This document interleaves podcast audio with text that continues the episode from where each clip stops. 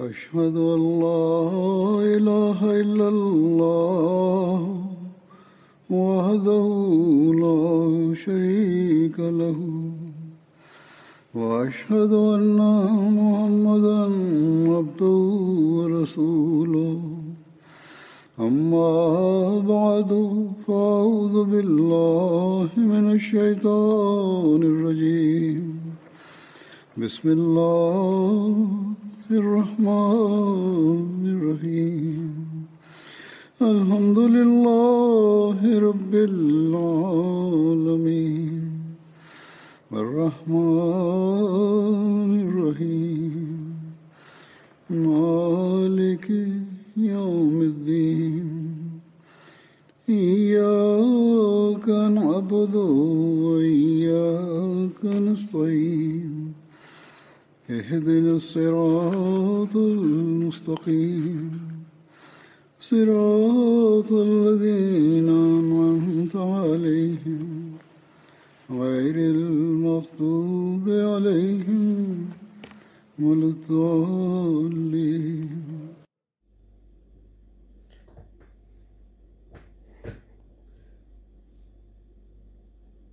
Sebelum khutbah minggu lalu, pembahasan masih berlangsung seputar Hadrat Utsman. Pada hari ini pun masih akan berlanjut. Sifat pemalu dan bersih dari dosa sangat dominan dalam diri Hadrat Utsman. Mengenai hal itu terdapat riwayat. Hadrat Anas bin Malik meriwayatkan, Rasulullah Shallallahu Alaihi Wasallam bersabda, di antara umatku yang paling pengasih adalah Abu Bakar, yang paling teguh dalam memegang agama adalah Umar, yang paling pemalu adalah Utsman, yang paling baik dalam memutuskan adalah Ali bin Abi Thalib, yang paling memahami kitabullah Al-Quran adalah Ubay bin Ka'ab, dan yang paling memahami halal dan haram adalah Muaz bin Jabal, dan yang paling memahami hukum waris adalah Zaid bin Sabit.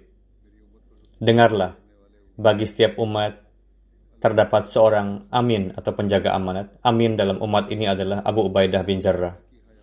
Hadrat Anas bin Malik meriwayatkan, Rasulullah Shallallahu Alaihi Wasallam pernah bersabda, yang paling pengasih dalam umatku adalah Abu Bakar. Yang paling tegas dalam mengamalkan hukum Tuhan adalah Umar dan yang paling pemalu adalah Utsman.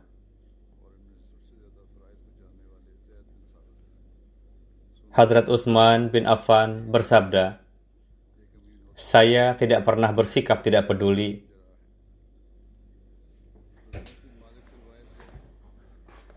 Saya tidak pernah berhasrat untuk duduk di kursi khilafat atau suatu jabatan apa pun atau berangan-angan untuk itu.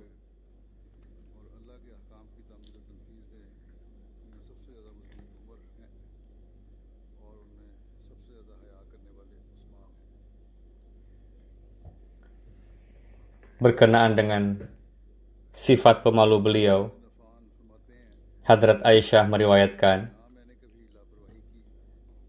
suatu ketika Rasulullah SAW tengah berbaring di rumah saya dalam keadaan paha atau betis beliau yang terbuka.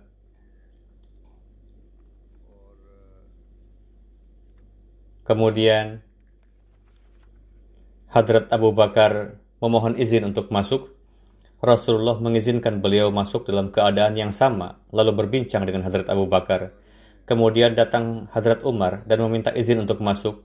Rasulullah mengizinkan beliau untuk masuk dalam keadaan yang sama, lalu berbincang dengan Hadrat Umar.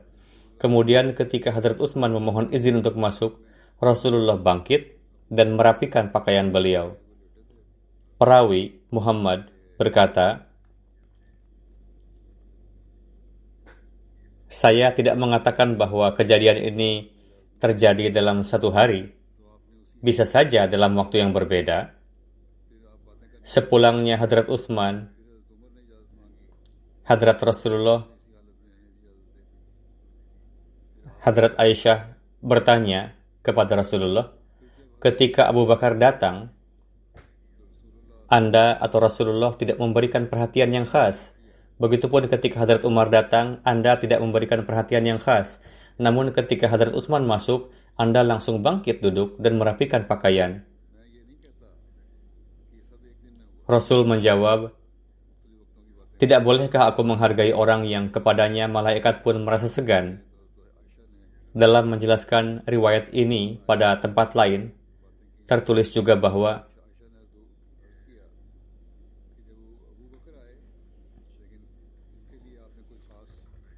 ketika Hadrat Aisyah bertanya kepada Rasulullah, "Kenapa Anda hanya memberikan perhatian khas ketika datang Hadrat Utsman?"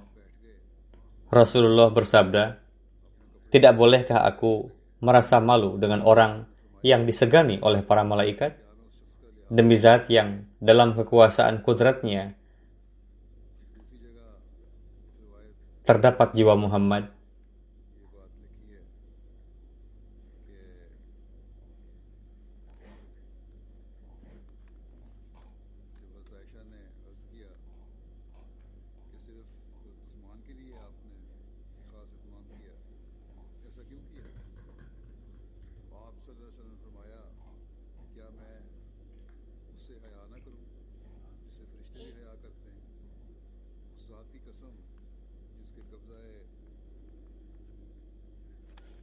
Demi zat yang dalam kudrat kekuasaannya terdapat jiwa Muhammad Sallallahu Alaihi Wasallam, sudah barang tentu para malaikat merasa segan terhadap Hadrat Utsman seperti halnya malaikat merasa segan terhadap Allah Ta'ala dan Rasulnya.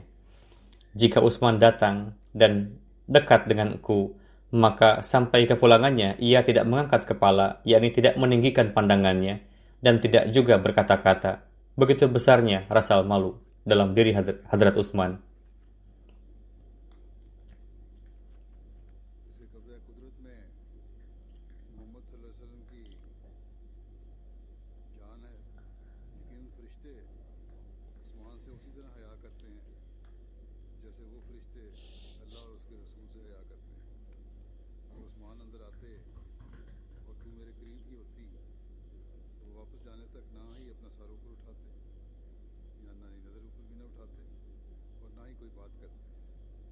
Dalam menjelaskan perihal sifat pengasih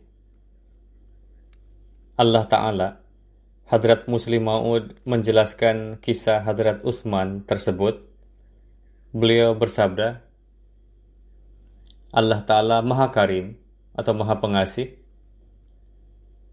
Beliau bersabda, terdapat satu peristiwa pada zaman Rasulullah yang darinya dapat diketahui bahwa seseorang yang memiliki sifat karim atau pengasih disegani.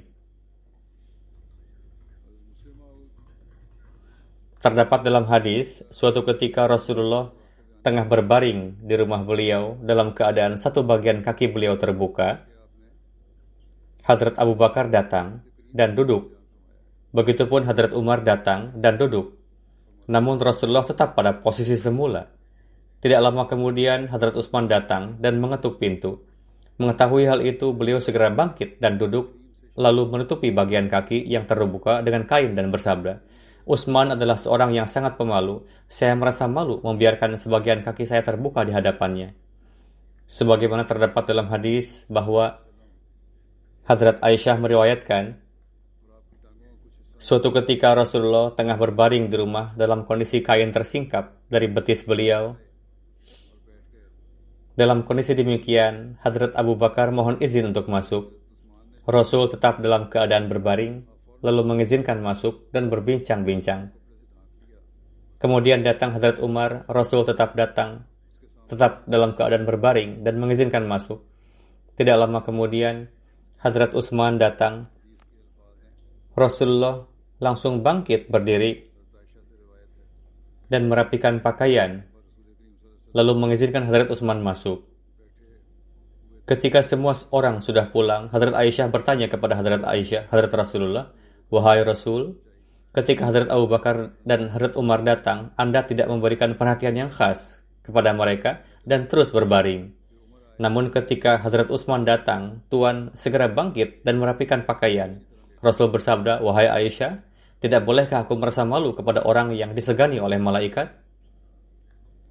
Perhatikanlah, Hadrat Rasulullah menghargai sifat pemalu Hadrat Utsman karena begitu, karena beliau pemalu. Hadrat Utsman pemalu, untuk itu Rasulullah pun merasa segan kepada beliau. Dalam menjelaskan peristiwa ini, Hadrat Muslim Maud bersabda, karena Allah Ta'ala maha pengasih, seharusnya manusia berusaha untuk terhindar dari dosa-dosa, hendaknya merasa malu dan mentaati perintahnya. Jangan berpikir bahwa disebabkan oleh sifat yang maha pengasih, lantas malah semakin berani dalam melakukan dosa karena Allah Ta'ala akan mengasihi. Beliau bersabda, hendaknya perlu diingat bahwa jika Allah Ta'ala memiliki sifat pengasih, maka manusia hendaknya merasa malu dan berusaha untuk terhindar dari dosa-dosa. Berkenaan dengan tawadu dan kesederhanaan, beliau diriwayatkan bahwa Abdullah Rumi meriwayatkan, Hadrat Utsman biasa menyiapkan air wudhu sendiri di malam hari. Dikatakan kepada beliau, jika Tuhan memerintahkan seorang pelayan, maka ia akan menyiapkannya untuk Tuhan. Hadrat Utsman bersabda, malam adalah milik orang-orang yang beristirahat. Maksudnya, harus memberikan kesempatan kepada para pelayan untuk beristirahat di malam hari. Al-Qamah bin Waqas meriwayatkan, Hadrat Amru bin As berkata kepada Hadrat Utsman yang tengah berada di mimbar, Wahai Utsman, Anda telah memasukkan umat ini ke dalam urusan yang sangat pelik. Anda telah berpidato dan membiar, memberikan nasihat kepada umat. Untuk itu, bertobatlah Anda dan juga orang-orang yang Anda nasihati. Sahabat itu memperingati Hadrat Utsman untuk takut kepada Tuhan seperti itu. Perawi mengatakan, mendengar itu, saat itu juga Hadrat Utsman mengarahkan wajahnya ke arah kiblat lalu mengangkat kedua tangan dan berdoa, Allahumma inni astaghfiruka wa atubu ilaika.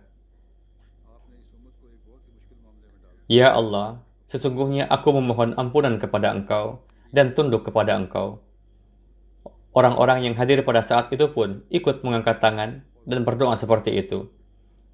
Seperti itulah rasa takut beliau kepada Allah Ta'ala dan kerendahan hati beliau yakni beliau tidak lantas berdebat dengan orang itu, melainkan segera mengangkat kedua tangan untuk berdoa. Beliau mendoakan untuk diri sendiri dan juga untuk umat. Berkenaan dengan kedermawanan beliau, infak di jalan Allah Ta'ala yang beliau lakukan, terdapat beberapa riwayat. Hadrat Utsman sendiri meriwayatkan, saya telah menyembunyikan sepuluh hal di hadapan Allah Ta'ala, saya adalah orang keempat di antara orang yang paling dahulu bayat masuk Islam. Saya tidak pernah mendengar lagu-lagu hiburan dan tidak pernah berkata dusta. Semenjak bayat kepada Rasulullah, saya tidak pernah menyentuh kemaluan saya dengan tangan kanan saya. Setelah bayat, tidak ada Jumat yang berlalu yang di dalamnya aku tidak memerdekakan budak belian, kecuali Jumat yang mana pada saat itu aku tidak memiliki budak untuk dibebaskan. Dalam keadaan demikian, selain hari Jumat, saya memerdekakan budak pada hari lainnya.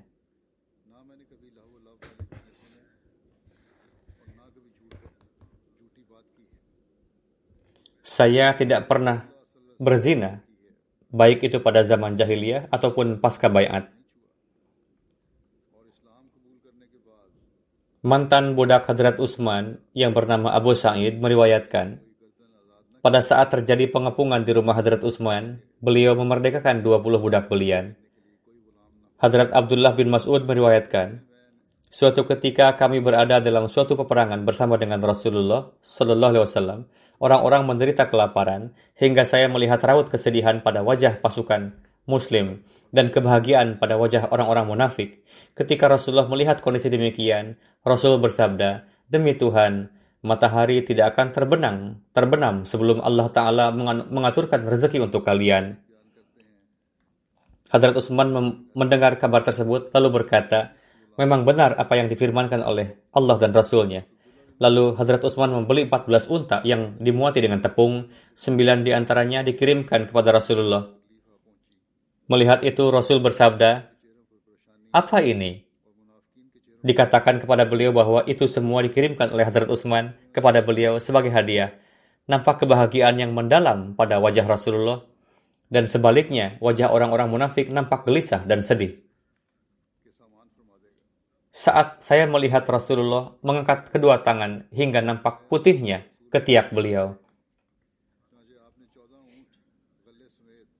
Beliau mendoakan untuk Hadrat Utsman. Saya tidak pernah mendengar Rasulullah berdoa untuk seseorang seperti itu, baik sebelum itu ataupun setelahnya.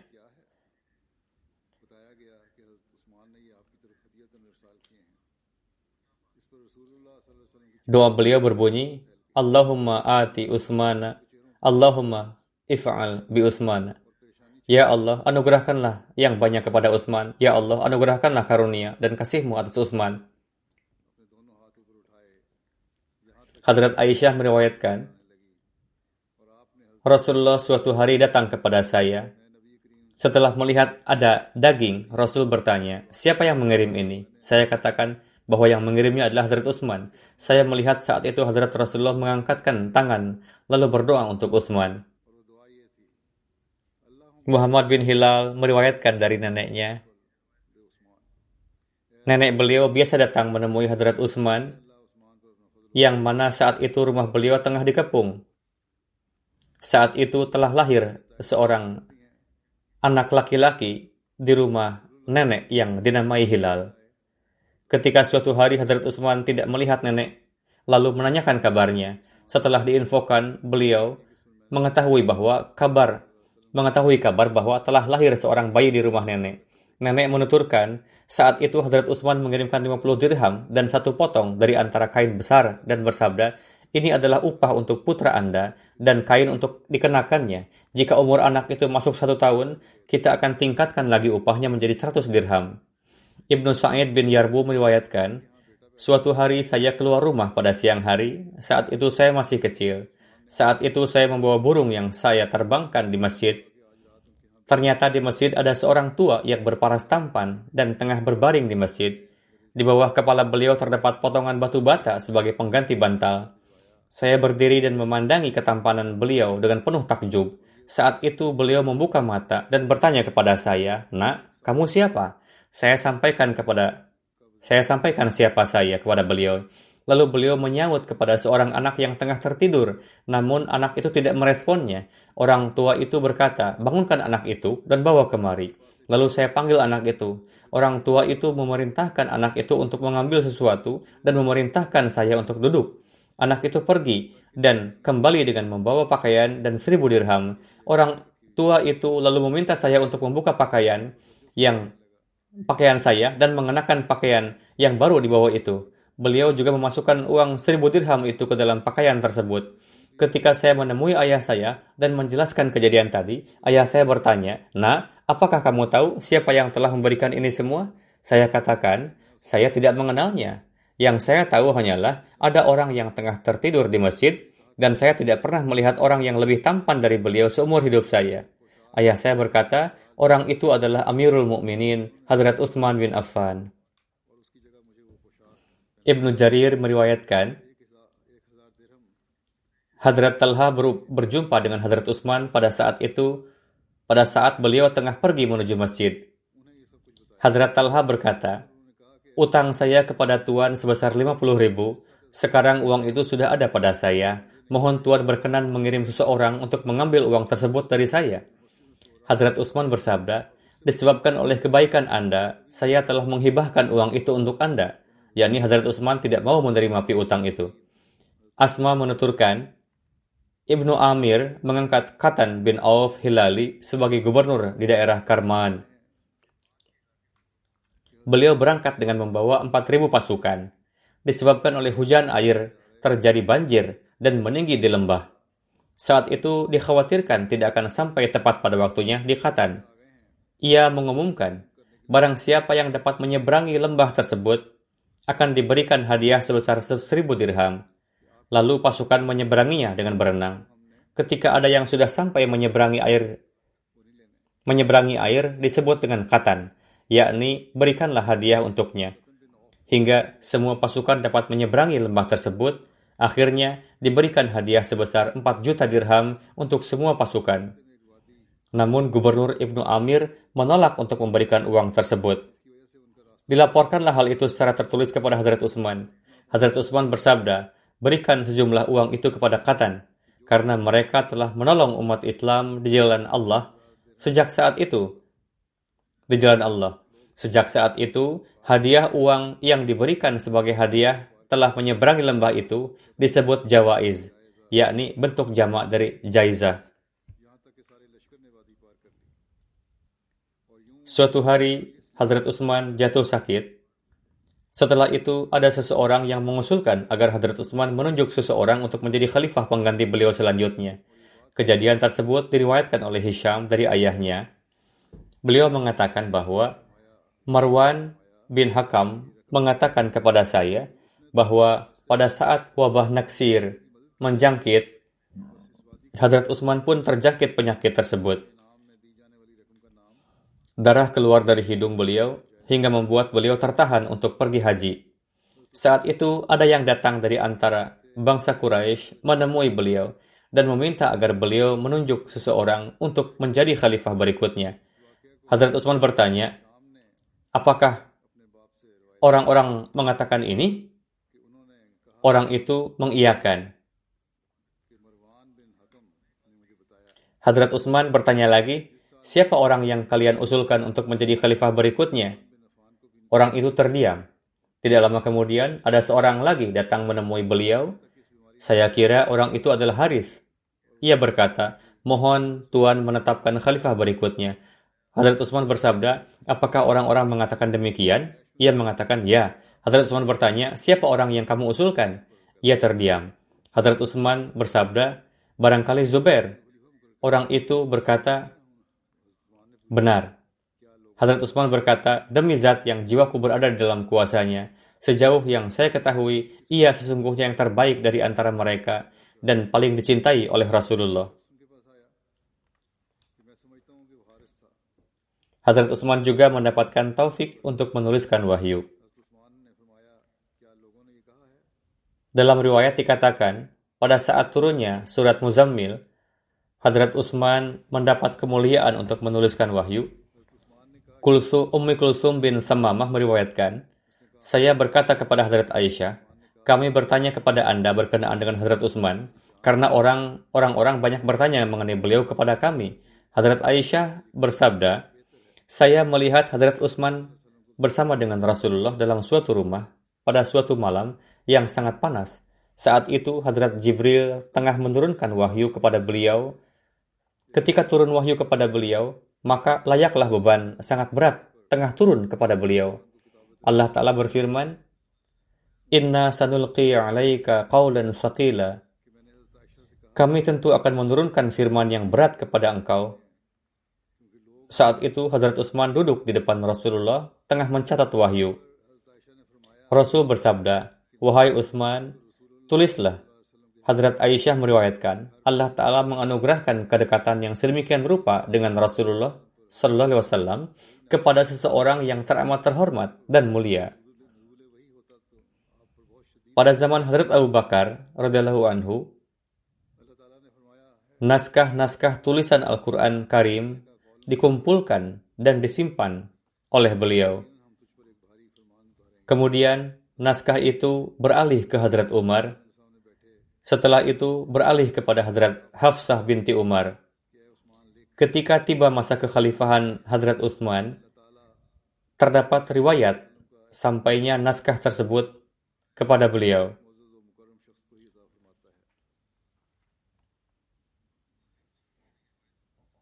Hadrat Khuzaifah bin Yaman meriwayatkan, beliau tengah bergabung bersama dengan bangsa Irak berperang melawan negeri Syam untuk dapat menaklukkan Armenia dan Azerbaijan.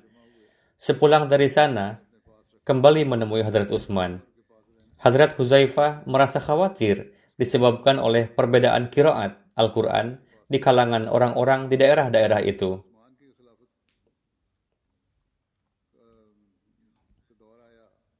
Beliau bertanya kepada Hadrat Utsman, Wahai Amirul Mukminin, mohon jagalah umat ini sebelum berselisih perihal kitabullah seperti Yahudi dan, dan Nasrani.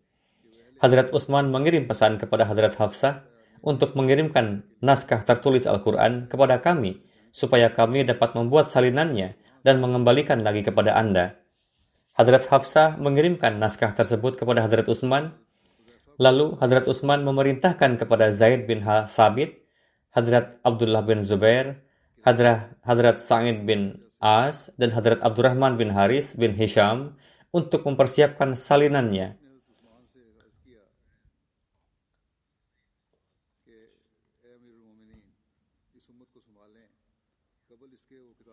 Hadrat Utsman memerintahkan kepada tiga sahabat terakhir yang disebutkan di atas, yang notabene berasal dari bangsa Quraisy. Jika terdapat perbedaan antara kalian dengan Zaid perihal suatu potongan ayat Al-Quran, maka salinlah menurut bahasa logat, logat Quraisy, karena Al-Quran turun dalam bahasa Quraisy, sebagaimana sahabat-sahabat tersebut melakukan tugas tersebut. Ketika salinan-salinan sudah tiba, Hadrat Utsman mengembalikan naskah aslinya kepada Hadrat Hafsah. Adapun salinan-salinan naskah yang sudah siap dikirimkan ke berbagai negeri dan memerintahkan agar jika ada naskah-naskah lain selain itu bakar dan musnahkan. Allamah Ibnu Tiyid berkata, perbedaan pengumpulan Al-Quran antara masa Hadrat Abu Bakar dan Hadrat Utsman adalah Hadrat Abu Bakar mengumpulkan Al-Quran karena kekhawatiran jangan sampai ada bagian Al-Quran yang tertinggal disebabkan kewafatan para penghafal Al-Quran. Hal ini karena dahulu Al-Quran tidak diturunkan secara sekaligus. Oleh karena itu, beliau mengumpulkan ayat-ayat Al-Quran sesuai dengan urutan sebagaimana yang telah Nabi Shallallahu Wasallam tekankan saat memerintahkan untuk menghafal ayat-ayat Al-Quran tersebut. Sementara itu, pengumpulan Al-Quran di masa Hadrat Utsman adalah bahwa ketika telah terdapat sangat banyak perselisihan dalam kiroatnya, hingga orang pun mulai membaca Al-Quran sesuai dengan dialek dan bahasanya, dan mereka pun mulai menyalahkan kiroat satu sama lain, maka beliau pun khawatir jangan sampai perkara ini menjadi semakin parah. Maka dari itu, beliau mengumpulkan lembaran-lembaran yang telah disusun oleh Hadrat Abu Bakar menjadi satu mushaf sesuai dengan urutan surahnya. Dan beliau hanya menekankan pada dialek Quraisy.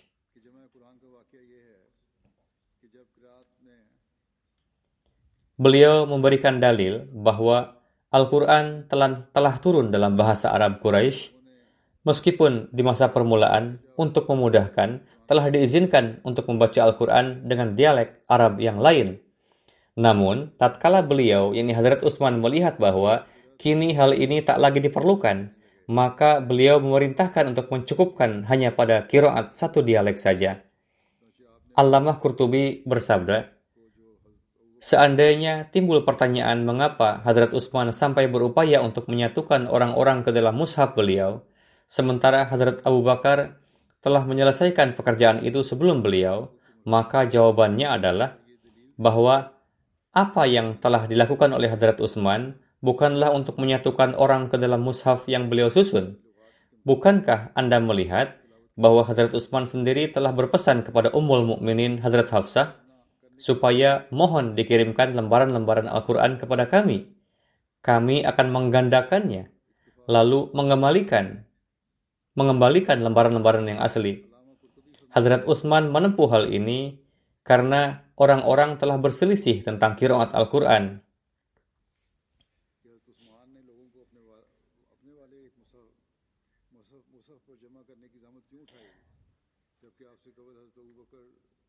Hadrat Utsman menempuh hal ini karena orang-orang telah berselisih tentang kiraat Al-Quran, sementara para sahabat telah tersebar di berbagai kota, dan perselisihan kiroat yang terjadi saat itu telah sedemikian mengkhawatirkan, di mana perselisihan antara orang-orang Syam dan Irak telah mengambil corak seperti yang Hadrat Huzaifah telah jelaskan. Hadrat Muslim Ma'ud anhu telah menjelaskan tafsir surah Al-A'la ayat Sanukri'uka fala tansa bersabda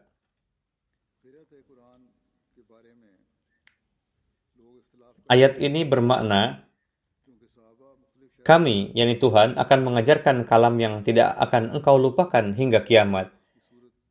Bahkan kalam ini akan sedemikian rupa terjaga seperti halnya di masa ini.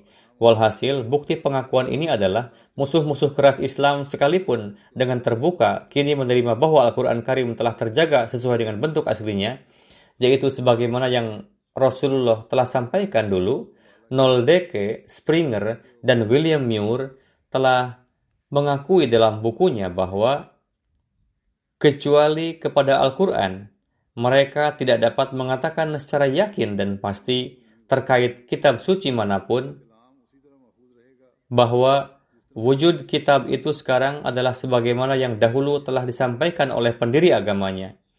Hanya satu kitab, yaitu Al-Quran Karim, yang secara pasti dapat dikatakan bahwa corak kitab yang dahulu telah disampaikan oleh Muhammad Rasulullah SAW kepada para sahabatnya dahulu, corak itulah yang berwujud hingga sekarang. Mereka yang tidak meyakini bahwa Al-Quran Karim telah diturunkan oleh Allah Ta'ala, dan bahkan mereka meyakini bahwa Rasulullah lah yang telah membuat sendiri kitab ini, sehingga tidak seharusnya mereka mengatakan bahwa kitab ini telah terjaga sebagaimana dahulu telah turun. Namun, mereka justru menyatakan bahwa corak Al-Quran yang ada hingga sekarang di dunia ini adalah sungguh corak yang dahulu telah disampaikan oleh Muhammad. Berkenaan dengan ini, Sir William Muir menulis dalam bukunya berjudul The Quran bahwa semua bukti ini memberikan keyakinan bahwa Al-Quran yang sekarang kita baca, setiap lafaznya adalah sebagaimana yang telah disampaikan oleh Nabi Shallallahu Alaihi Wasallam kepada segenap orang dahulu. Kemudian Sir William Muir dalam bukunya Life of Muhammad menulis Al-Quran yang sekarang ada di tangan kita adalah sangat mungkin seperti yang telah Muhammad Sallallahu Alaihi Wasallam buat pada zamannya dulu. Dan yang terkadang beliau pun melakukan perubahan terhadapnya. Namun tidak diragukan lagi bahwa Al-Quran seperti dahulu itulah yang telah Muhammad sampaikan kepada kita. Senada ia menulis, dengan dasar pembandingan yang sangat kuat, kita dapat mengatakan bahwa setiap ayat di dalam Al-Quran adalah sebagaimana aslinya dan merupakan karya Muhammad Sallallahu Alaihi Wasallam yang tak pernah berubah. Kemudian Noldeke, seorang orientalis Jerman, mengatakan, mungkin ada beberapa kesalahan kecil seperti dalam gaya penulisan, namun Al-Quran yang telah disebarkan oleh Utsman kepada dunia, isinya adalah benar-benar seperti yang telah Muhammad dahulu sampaikan. Meskipun pengurutannya adalah mengherankan, namun, usaha para orientalis Eropa untuk membuktikan bahwa terdapat perubahan pada Al-Quran di masa-masa selanjutnya adalah sama sekali telah gagal. Walhasil, para orientalis Eropa pun telah mengakui bahwa tidak ada lagi keraguan apa pun terkait penjagaan Al-Quran secara lahiriah. Bahkan, ini adalah kitab suci yang setiap kata maupun hurufnya adalah sebagaimana yang telah Muhammad Rasulullah SAW sampaikan dahulu kepada semua orang. Hadrat Khalifatul Masih yang pertama menjelaskan, orang-orang kerap menyatakan bahwa Hadrat Utsman adalah sosok pengumpul Al-Quran. Hal ini adalah keliru. Tidaklah ini semata-mata pada nama Hadrat Utsman. Ya, bila dikatakan bahwa beliau adalah sosok penyebar Al-Quran, maka ini cukup tepat. Di masa khilafat beliau, Islam telah tersebar hingga tempat-tempat yang jauh. Maka dari itu, beliau memerintahkan untuk menyalin beberapa naskah, lalu mengirimkannya ke Mekah, Madinah, Syam, Basra, Kufah, dan berbagai negeri lainnya. Sementara terkait penyusunan, Rasulullah lah yang telah melakukannya sesuai dengan tertib tertib surah yang dikehendaki Allah Ta'ala. Dan dengan tertib surah yang seperti itulah, kitab ini hingga sekarang telah sampai pada kita. Ya, Membaca dan memahaminya adalah tugas kita semua. Hadrat Muslim Ma'ud anhu menjelaskan bahwa di masa Hadrat Utsman, saat itu bukanlah penduduk Mekah hanya hidup di Mekah. Penduduk Madinah hanya hidup di Madinah. Penduduk Najad hanya hidup di Najad. Penduduk Taif hanya hidup di Taif. Penduduk Yaman hanya hidup di Yaman. Dan mereka saling tidak mengetahui dialek serta istilah-istilah satu sama lain. Saat itu, saat itu, Madinah justru telah menjadi ibu kota, dan seluruh kaum telah menjadi satu.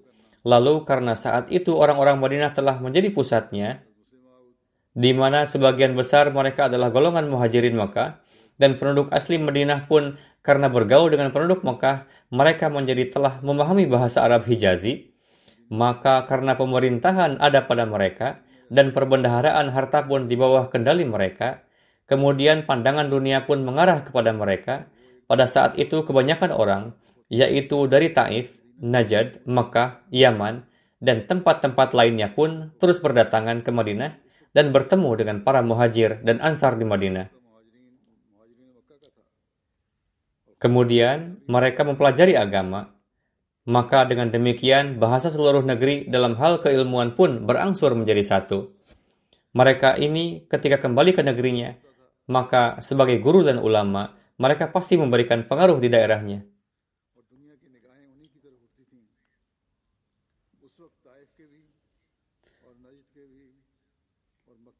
Selain itu, karena adanya peperangan-peperangan, berbagai kabilah Arab pun mendapat kesempatan untuk terus bersatu.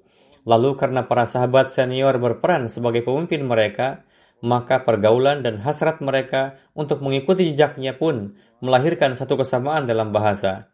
Walhasil, meskipun memang di masa awal Islam terjadi kesulitan dalam memahami bahasa Al-Quran Karim, namun setelah Madinah menjadi ibu kota dan Madinah Munawwarah telah menjadi pusat bagi seluruh Arab, Kemudian berbagi, berbagai kaum dan kabilah pun mulai datang berkali-kali ke sana, maka kini kecenderungan ke arah perselisihan ini pun menjadi hilang.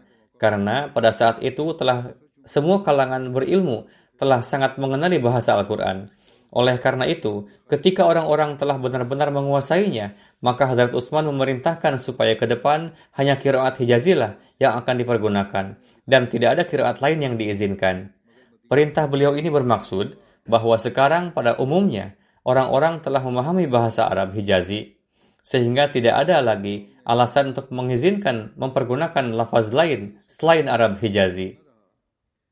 Akibat perintah Hadrat Utsman ini, kalangan Syiah yang memang berselisih dengan Sunni, mereka kerap mengatakan bahwa Al-Quran sekarang ini adalah Bayazi Utsmani. Padahal keberatan ini sama sekali keliru.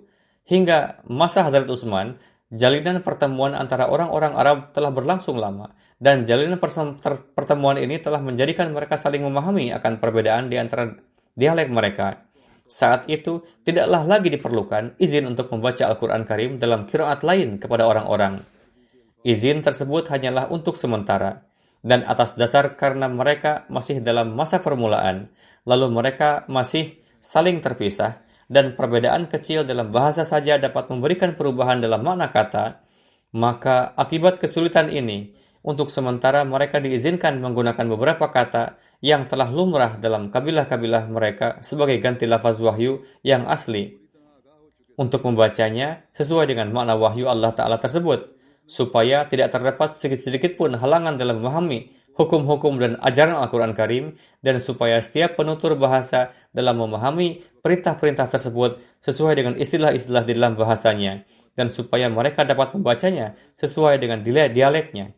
Lalu tatkala izin ini telah berlalu 20 tahun lamanya dan zaman telah berganti baru dan berbagai kaum telah berubah menjadi satu warna baru, bangsa Arab yang terdiri dari berbagai kabilah telah menjadi tak hanya satu kaum, bahkan menjadi satu pemerintahan yang kuat yaitu jalannya undang-undang pemerintahan dan pendidikan telah ada di tangan mereka, dan berbagai sektor kepemimpinan ada di bawah kendali mereka. Perintah hudu dan kisos pun telah mereka jalankan. Maka selanjutnya, tidaklah diperlukan lagi waktu yang lama bagi mereka untuk memahami bahasa Qurani. Tatkala kondisi ini telah mengemuka, maka Hadrat Utsman pun mengakhiri izin sementara yang memang dahulu diberikan untuk ke keadaan yang hanya sementara itu dan memang inilah yang merupakan kehendak Allah Ta'ala. Namun bagi kalangan Syiah, seandainya mereka hendak menyatakan kesalahan terbesar dari Hadrat Utsman, maka inilah kesalahan beliau, yaitu beliau telah menghapus berbagai kiroat dan meneruskannya hanya satu kiroat. Padahal seandainya mereka merenungkan, maka dengan mudah mereka dapat memahami bahwa Allah Ta'ala telah memberikan izin membaca Al-Quran dalam kiroat yang berbeda-beda adalah pada masa kedua Islam. Allah tidak memberi, memberikannya pada masa permulaan. Ini dengan jelas bermakna bahwa turunnya Al-Quran memang dalam bahasa Arab Hijazi, Namun perbedaan dalam kiroat adalah dari adanya berbagai kabilah yang kemudian menerima Islam. Karena terkadang satu kabilah memiliki perbedaan dalam kabilah lain dalam hal bahasanya, yaitu terkadang mereka tidak dapat mengucapkan lafaznya secara sempurna atau terdapat perbedaan dalam mana lafaz tertentu. Maka dari itu Rasulullah sesuai dengan kehendak Allah Ta'ala mengizinkan beberapa perubahan dialek atau perubahan kata untuk lafaz yang menjadi yang menjadi perselisihan. Namun hal ini tidak berpengaruh pada makna yang terkandung dalam ayat-ayat tersebut. Bahkan seandainya hal ini tidak diizinkan, maka terjadi perbedaan makna. Bukti terkait hal ini adalah bahwa Rasulullah pernah membacakan satu surah kepada Hadrat Abdullah bin Mas'ud dengan suatu corak dan membacakannya kepada Hadrat Umar dengan corak yang lain. Hadrat Umar adalah asli penduduk kota, sementara Hadrat Abdullah bin Mas'ud adalah dari Gadri yang menjadi yang menjadikan beliau banyak bersentuhan dengan suku Arab Badui. Jadi, bahasa antara mereka berdua sangatlah berbeda. Suatu hari, Abdullah bin Mas'ud menilawatkan suatu Al-Quran tersebut, sementara Hadrat Umar sekilas berlalu di dekat beliau. Maka Hadrat um-, Umar pun mendengar bunyi surah yang sedemikian berbeda tersebut dari Hadrat Abdullah bin Mas'ud. Beliau sangat terheran seraya berkata, hal apakah ini? bunyi lafaznya berbeda dan ia membacanya secara, secara berbeda. Maka beliau pun menyilangkan leher Hadrat Abdullah bin Mas'ud dan berkata, Ayo sekarang saya sodorkan permasalahan engkau ini ke hadapan Rasulullah. Karena engkau membaca surah dengan corak lain yang berbeda dengan aslinya. Jadi, beliau pun membawanya ke hadapan Rasulullah dan berkata, Wahai Rasulullah, engkau memperdengarkan surah ini dengan corak tertentu, sementara Abdullah bin Mas'ud membacanya dengan corak yang lain. Lalu Rasulullah bersabda kepada Abdullah bin Mas'ud, Bagaimanakah engkau menilawatkan surat ini? Ia pun takut dan bergetar karena jangan sampai ia telah melakukan kesalahan. Namun Rasulullah bersabda, jangan takut, bacalah. Beliau pun membacanya. Lalu Rasulullah bersabda, sungguh benar. Hadrat Umar berkata, Wahai Rasulullah, dulu Tuhan telah membacakan kepada saya dengan corak yang lain. Rasulullah bersabda, itu pun benar. Kemudian Rasulullah bersabda, Al-Quran telah diturunkan dalam tujuh kiroat. Janganlah Anda sekalian berselisih dalam hal-hal yang kecil ini. Sebab adalah adanya perbedaan. Sebab adanya perbedaan ini adalah Rasulullah menganggap Abdullah bin Mas'ud sebagai orang Gadri. Dan dialek mereka berbeda. Sehingga beliau membacakannya sesuai dengan dialeknya. Adapun tentang Hadrat Umar, Rasulullah menganggap bahwa ia adalah penduduk asli kota. Sehingga beliau menyampaikannya dalam kiroat asli yang telah turun yaitu bahasa Arab Makkah. Jadi, Rasulullah telah mengizinkan kepada Hadrat Abdullah bin Mas'ud untuk membacakan surah itu dalam bahasanya sendiri dan beliau membacakan surah itu kepada Hadrat Umar dalam bahasa aslinya yaitu bahasa kota Makkah. Ini adalah perbedaan-perbedaan kecil yang lahir dari adanya perbedaan corak kiroat, namun hal ini tidak mempengaruhi makna yang terkandung di dalamnya. Setiap orang memahami bahwa ini adalah akibat yang lazim muncul dari adanya perbedaan dalam hal suku, pendidikan, dan bahasa. Kemudian beliau bersabda, melalui peradaban dan pemerintahan baru itu, keadaan kesukuan berubah menjadi satu kebangsaan dan satu bahasa. Dan semua orang pun kemudian menjadi paham sepenuhnya dengan bahasa Arab Hijazi.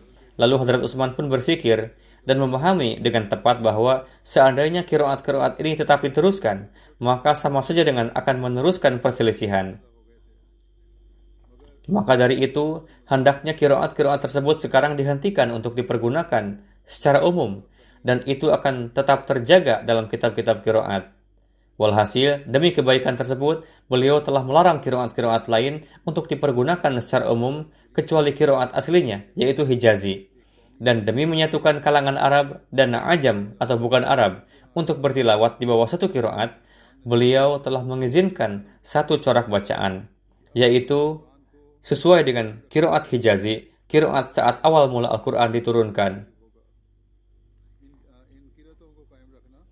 Masih tersisa beberapa hal yang insya Allah akan disampaikan selanjutnya. Saat ini pun saya ingin menyampaikan tentang doa untuk para Ahmadi di Pakistan dan juga Aljazair. Di tempat mana pun di dunia para Ahmadi terjerat dalam kesulitan-kesulitan.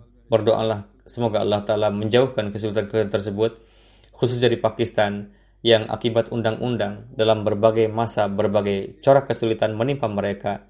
Para Ahmadi dalam corak apa pun kini tidak mendapatkan kebebasan. Demikian pula di Aljazair pun ada beberapa petinggi pemerintah yang terus menjatuhkan berbagai kesulitan. Semoga Allah telah menganugerahkan kebebasan kepada mereka dari semua kesulitan itu.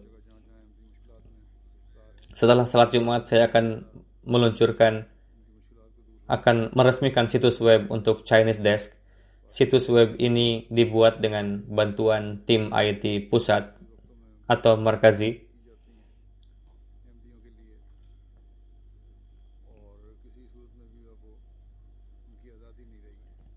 Di mana orang-orang dapat memperoleh informasi rinci tentang Islam dan Ahmadiyah dalam bahasa Mandarin Situs web ini dapat diakses melalui Al-Islam yang merupakan situs web utama jemaat dan diakses secara terpisah juga. Konten telah diunggah di situs web dengan berbagai topik dan edisi baru dari terjemahan Al-Quran dalam bahasa Mandarin juga tersedia di dalamnya. 23 buku dan pamflet juga telah ditempatkan di situs web. Selain itu juga terdapat informasi berupa tanya jawab di bawah bagian Hadrat Masih Maud salam ada pengenalan Hadrat Masih Maud salam dan para khulafa. Di beranda itu juga menyediakan tautan ke enam situs web jemaat yang berbeda dan juga memiliki rincian telepon, fax, dan email untuk dihubungi. Semoga Allah telah memberikan situs web ini menjadi sarana pedoman bagi orang-orang Tionghoa dan semua semoga hati mereka dapat menerima pesan Islam dan Ahmadiyah. Selain itu, saya akan memimpin salat jenazah untuk beberapa jenazah gaib. Di antaranya adalah yang terhormat Muhammad Yunus Khalid Sahib, seorang mubalik yang meninggal pada 15 Maret pada usia 67 tahun karena gagal jantung. Innalillahi wa inna ilaihi raji'un.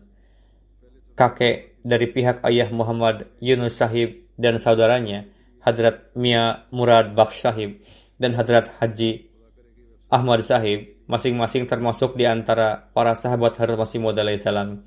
Delegasi yang terdiri dari enam orang berangkat dari Premkot, Distrik Hafizabad, dan pergi ke Kadian dengan berjalan kaki. Hadrat Haji Ahmad Sahib termasuk dalam delegasi ini. Beliau bayat kepada Hadrat Masih Maud salam dan juga meminta air darinya sebagai dari beliau sebagai tabaruk. Yunus dan Huzur memberikan kepada beliau. Yunus Khalil Sahib yang terhormat menyelesaikan ujian matrikulasi di Rebuah. Setelah itu beliau diterima di Jamiah Ahmadiyah. Selama di Jamiah beliau juga menyelesaikan kursus Arab Fazil dengan karunia Allah Ta'ala beliau adalah seorang musi. Pada tahun 80 lulus dengan gelar syahid dan kemudian mendapat kesempatan untuk mengabdi selama 40 tahun di berbagai tempat di Pakistan dan di luar negeri, di negara-negara seluruh Afrika. Di antara mereka yang ditinggalkan adalah istri Maryam Siddiqah Sahibah, seorang putra Atik Ahmad Mubashar yang adalah seorang mubalik. Atik Ahmad Atik Ahmad Mubashar menyatakan Ayah saya adalah seorang yang berilmu dan mempraktikkan apa yang diajarkan, apa yang dia ajarkan. Beliau sering mengatakan kepada saya bahwa Allah Ta'ala memperlakukannya seperti kepada Hadrat Khalifatul Masih yang pertama, di mana kapan pun menginginkan sesuatu, Allah Ta'ala memenuhi kebutuhannya itu. Dan saya pribadi menyaksikan fakta ini. Kemudian putranya menulis dengan mengacu pada Rana Mubarak Ahmad Sahib, yang pernah menjadi ketua daerah di Lahore mengatakan bahwa setiap kali ada pekerjaan yang terkait dengan jemaat yang perlu dilakukan, almarhum akan segera mengambilnya dan mengerjakannya. Begitu sigap untuk mengerjakannya sehingga tidak memperhatikan apakah telah memakai sepatu ataukah tidak. Beliau langsung pergi dengan cepat untuk mengerjakan tugas tersebut. Beliau berada di garis depan dalam mempersembahkan pengorbanan harta. Ketua jemaat di Haripur pun, Haripur Hazara mengatakan bahwa almarhum adalah teladan yang sangat baik bagi jemaat di Tarbela dalam pembayaran canda. Beliau juga secara teratur memberikan canda atas nama para orang tua yang sudah wafat.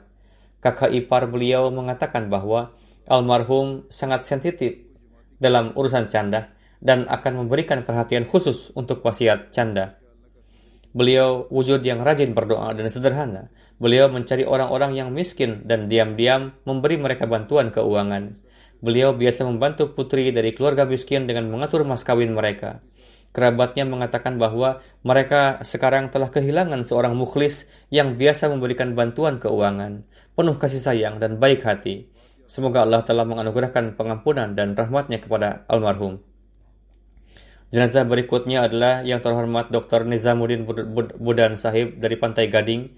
Beliau meninggal pada tanggal 15 Maret Innalillahi wa inna ilaihi raji'un. Beliau berusia 73 tahun. Beliau memperoleh pendidikan dasar di Mauritius pada tahun 68 menerima beasiswa dari Hadrat Khalifatul Masih yang ketiga pada saat mendaftar di sebuah perguruan tinggi kedokteran di Pakistan. Beliau menyelesaikan FSC dari Talimul Islam College terlebih dahulu dan kemudian mendaftar di perguruan tinggi kedokteran. Beliau menyelesaikan MBBS-nya dari Dow Medical College. Kemudian pada tahun 78 Hadrat Khalifatul Masih yang ketiga mengangkat beliau sebagai penanggung jawab klinik Ahmadiyah di Nigeria dan beliau mendapat taufik untuk mengabdi di sana hingga tahun 84 dalam kapasitas ter kapasitas tersebut. Ketika Hadrat Khalifatul Masih yang ketiga mengunjungi Ghana pada tahun 80, sekelompok orang dari Pantai Gading melakukan perjalanan ke Ghana dan mendapat kehormatan untuk bertemu dengan Huzur rahmatullah rahimahullah. Kelompok tersebut meminta Huzur bahwa mereka ingin ada rumah sakit di Pantai Gading seperti halnya Jemaat Ahmadiyah di Ghana memiliki rumah sakit. Hadrat Khalifatul Masih yang ketiga mengabulkan permintaan ini dan proses dimulai.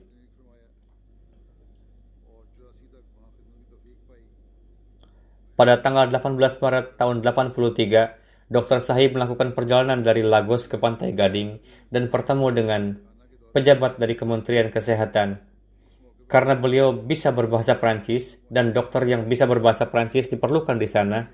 Untuk itu beliau dipindahkan ke sana dari Nigeria dan kemudian mendapat izin untuk membuka apotek Ahmadiyah di sana di Pantai Gading. Beliau berkhidmat di Pantai Gading dari tahun 84 sampai akhir hayat. Dengan karunia Allah Ta'ala beliau adalah seorang musi. Istri beliau telah meninggal. Beliau memiliki seorang putra bernama Bashiruddin Mahmud Budan dan seorang putri Nashmia Aisyah Mubarakah. Semoga Allah Ta'ala menjaga anak-anak ini tetap terikat dengan khilafat dan jemaat. Abdul Qayyum Pasha Sahib yang merupakan mubalik in charge Pantai Gading berkata, Dr. Sahib mengabdi sebagai petugas medis di klinik Ahmadiyah di Abidjan, Pantai Gading selama sekitar 36 tahun. Beliau adalah seorang dokter yang sangat baik, orang yang baik dan anggota senior jemaat di Pantai Gading. Beliau berkata, saya bekerja dengan Dr. Sahib selama sekitar 18 tahun. Saya menemukan beliau sebagai orang yang baik dalam setiap aspek. Beliau membantu semua orang, memberikan bimbingan dalam pekerjaan yang berhubungan dengan jemaat, ramah, memiliki kualitas yang baik, berbicara dengan fasih, dan orang yang terhormat. Beliau memegang berbagai jabatan dalam jemaat, Beliau figur yang sangat murah hati dan selalu memperlakukan anak-anak dengan baik dan berlaku kasih sayang. Beliau sering menyimpan barang-barang yang akan diberikan kepada anak-anak sebagai hadiah di klinik. Setiap kali pasien anak datang ke klinik, beliau memberikan kepada mereka hadiah seperti mainan atau permen. Beliau biasa memberikan bantuan besar kepada siswa yang tinggal di rumah misi serta keluarga Ahmadi yang miskin. Seorang mubalik di sana menulis bahwa jika sedang tidak ada pasien untuk dikunjungi, maka almarhum akan sibuk untuk memberikan tarbiyat kepada para khudam atau ansar.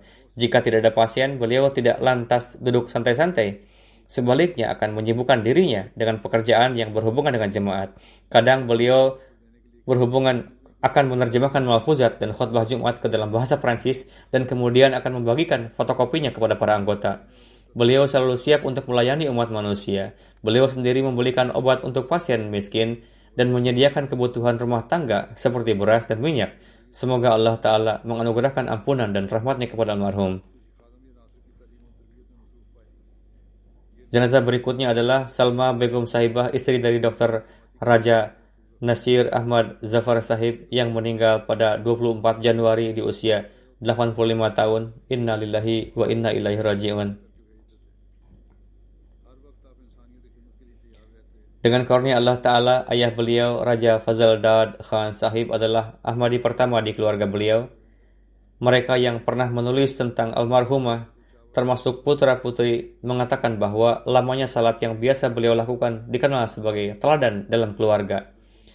Beliau memiliki banyak keistimewaan, kepribadian yang menyenangkan, mengabdi untuk melayani orang lain, saleh, setia, dan berani.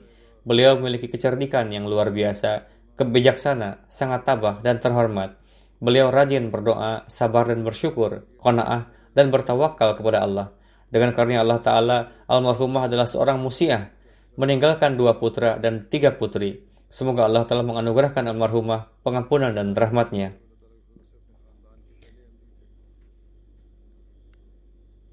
Jenazah berikutnya adalah yang terhormat Kishwar Tanwir Arsyad Sahibah, istri Abdul Baki Arsyad Sahib, Ketua Asyirkatul Islamiyah Inggris.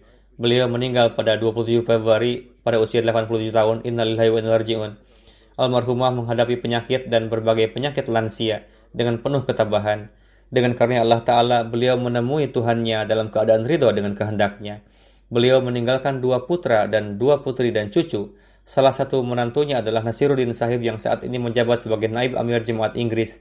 Putra beliau, Nabil Arsyad juga mendapatkan taufik untuk berkhidmat sebagai selama masa Hadrat Khalifatul Masih yang keempat dan juga setiap kali saya memanggil beliau untuk suatu pengkhidmatan, beliau segera datang dan terus mengerjakannya. Beliau memberikan tarbiat yang baik kepada anak-anaknya. Beliau memiliki banyak keistimewaan dan khususnya perihal kebersihan. Beliau sangat teratur, sangat tulus, dan, berbur, ber, dan berbudi luhur. Beliau dawam dalam salat dan menjalankan puasa dan terdepan dalam canda. Beliau sangat dermawan dalam memberikan sedekah. Arsyad Baki Sahib menulis, almarhum tinggal di London untuk waktu yang lama.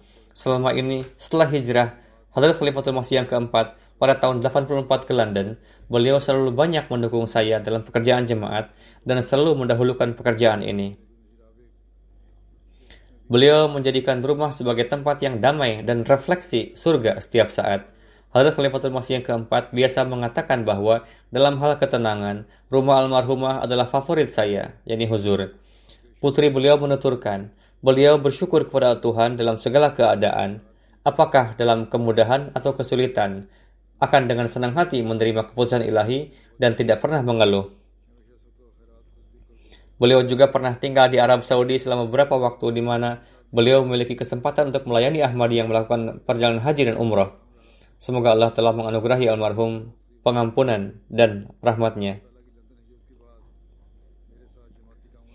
Jenazah berikutnya adalah yang terhormat Abdurrahman Hussein Muhammad Khair Sahib dari Sudan yang meninggal pada 24 Desember 2020 pada usia 56 tahun. Innalillahi wa inna ilaihi raji'un. Sebelum diperkenalkan kepada jemaat, beliau sama sekali tidak bergabung dengan sekte Islam mana pun.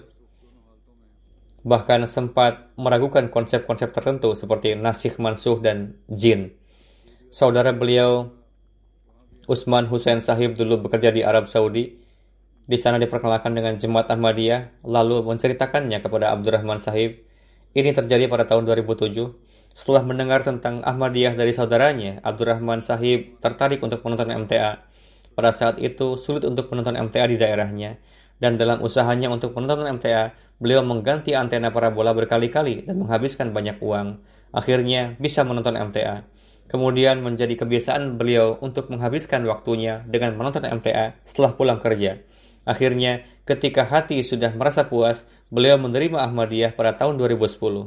Setelah bayat, Beliau bertablik kepada semua kerabat dan teman-temannya. Di antara keistimewaan almarhum adalah kerendah hatian dan kelembutan, keramahan, kepedulian terhadap orang miskin, dan berurusan dengan baik. Pada tahun 2013, beliau memiliki kesempatan untuk berperan penting dalam pendirian jemaat di Sudan, di mana beliau mempersembahkan candah yang besar Beliau biasa memberikan bantuan keuangan kepada banyak anggota jemaat yang membutuhkan. Ketika Ahmad yang miskin di suatu daerah di Sudan mulai menghadapi ketidakadilan dari orang-orang di daerah itu, almarhum memberikan bantuan uang yang besar, mengurus kebutuhan mereka dan merawat orang-orang. Setiap hari Jumat, beliau menjemput orang-orang dari berbagai tempat ke salat center dan kemudian setelah salat Jumat mengantarkan mereka pulang. Bahkan Non Ahmadi memuji kebaikan beliau Beliau sangat teratur dan murah hati dalam membayar canda. Beliau mendapatkan taufik sebagai pengurus Majelis Amilah pertama di Sudan dan memenuhi tanggung jawabnya hingga akhir hayat. Beliau meninggalkan istri, dua putra dan dua putri. Semoga Allah Ta'ala terus memperkuat hubungan mereka dengan jemaat dan khilafat dan memberikan pengampunan dan rahmatnya kepada almarhum.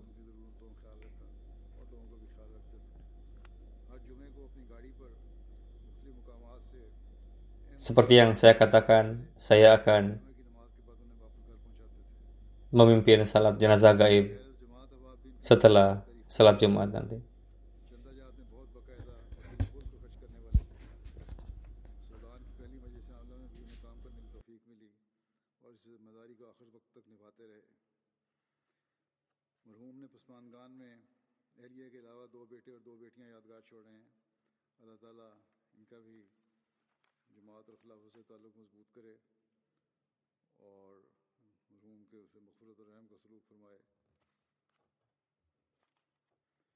जैसा कि मैंने कहा नमाज के बाद मैं नमाज जनाजा अदा करूँगा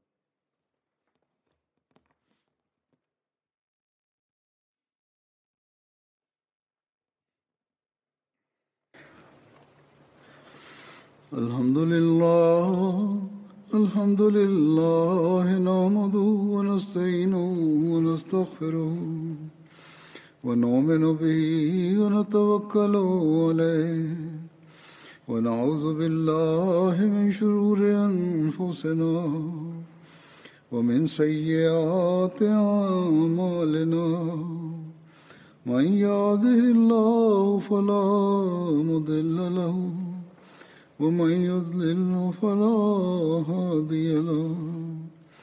ونشهد أن لا إله إلا الله. ونشهد أن محمدا عبده ورسوله. عباد الله رحمكم الله. إن الله يأمر بالعدل والإحسان. وإيتاء ذي القربى وينهى عن الفحشاء والمنكر والبغي يعظكم لعلكم تذكرون. اذكروا الله يذكركم وادعوه يستجب لكم ولذكر الله أكبر.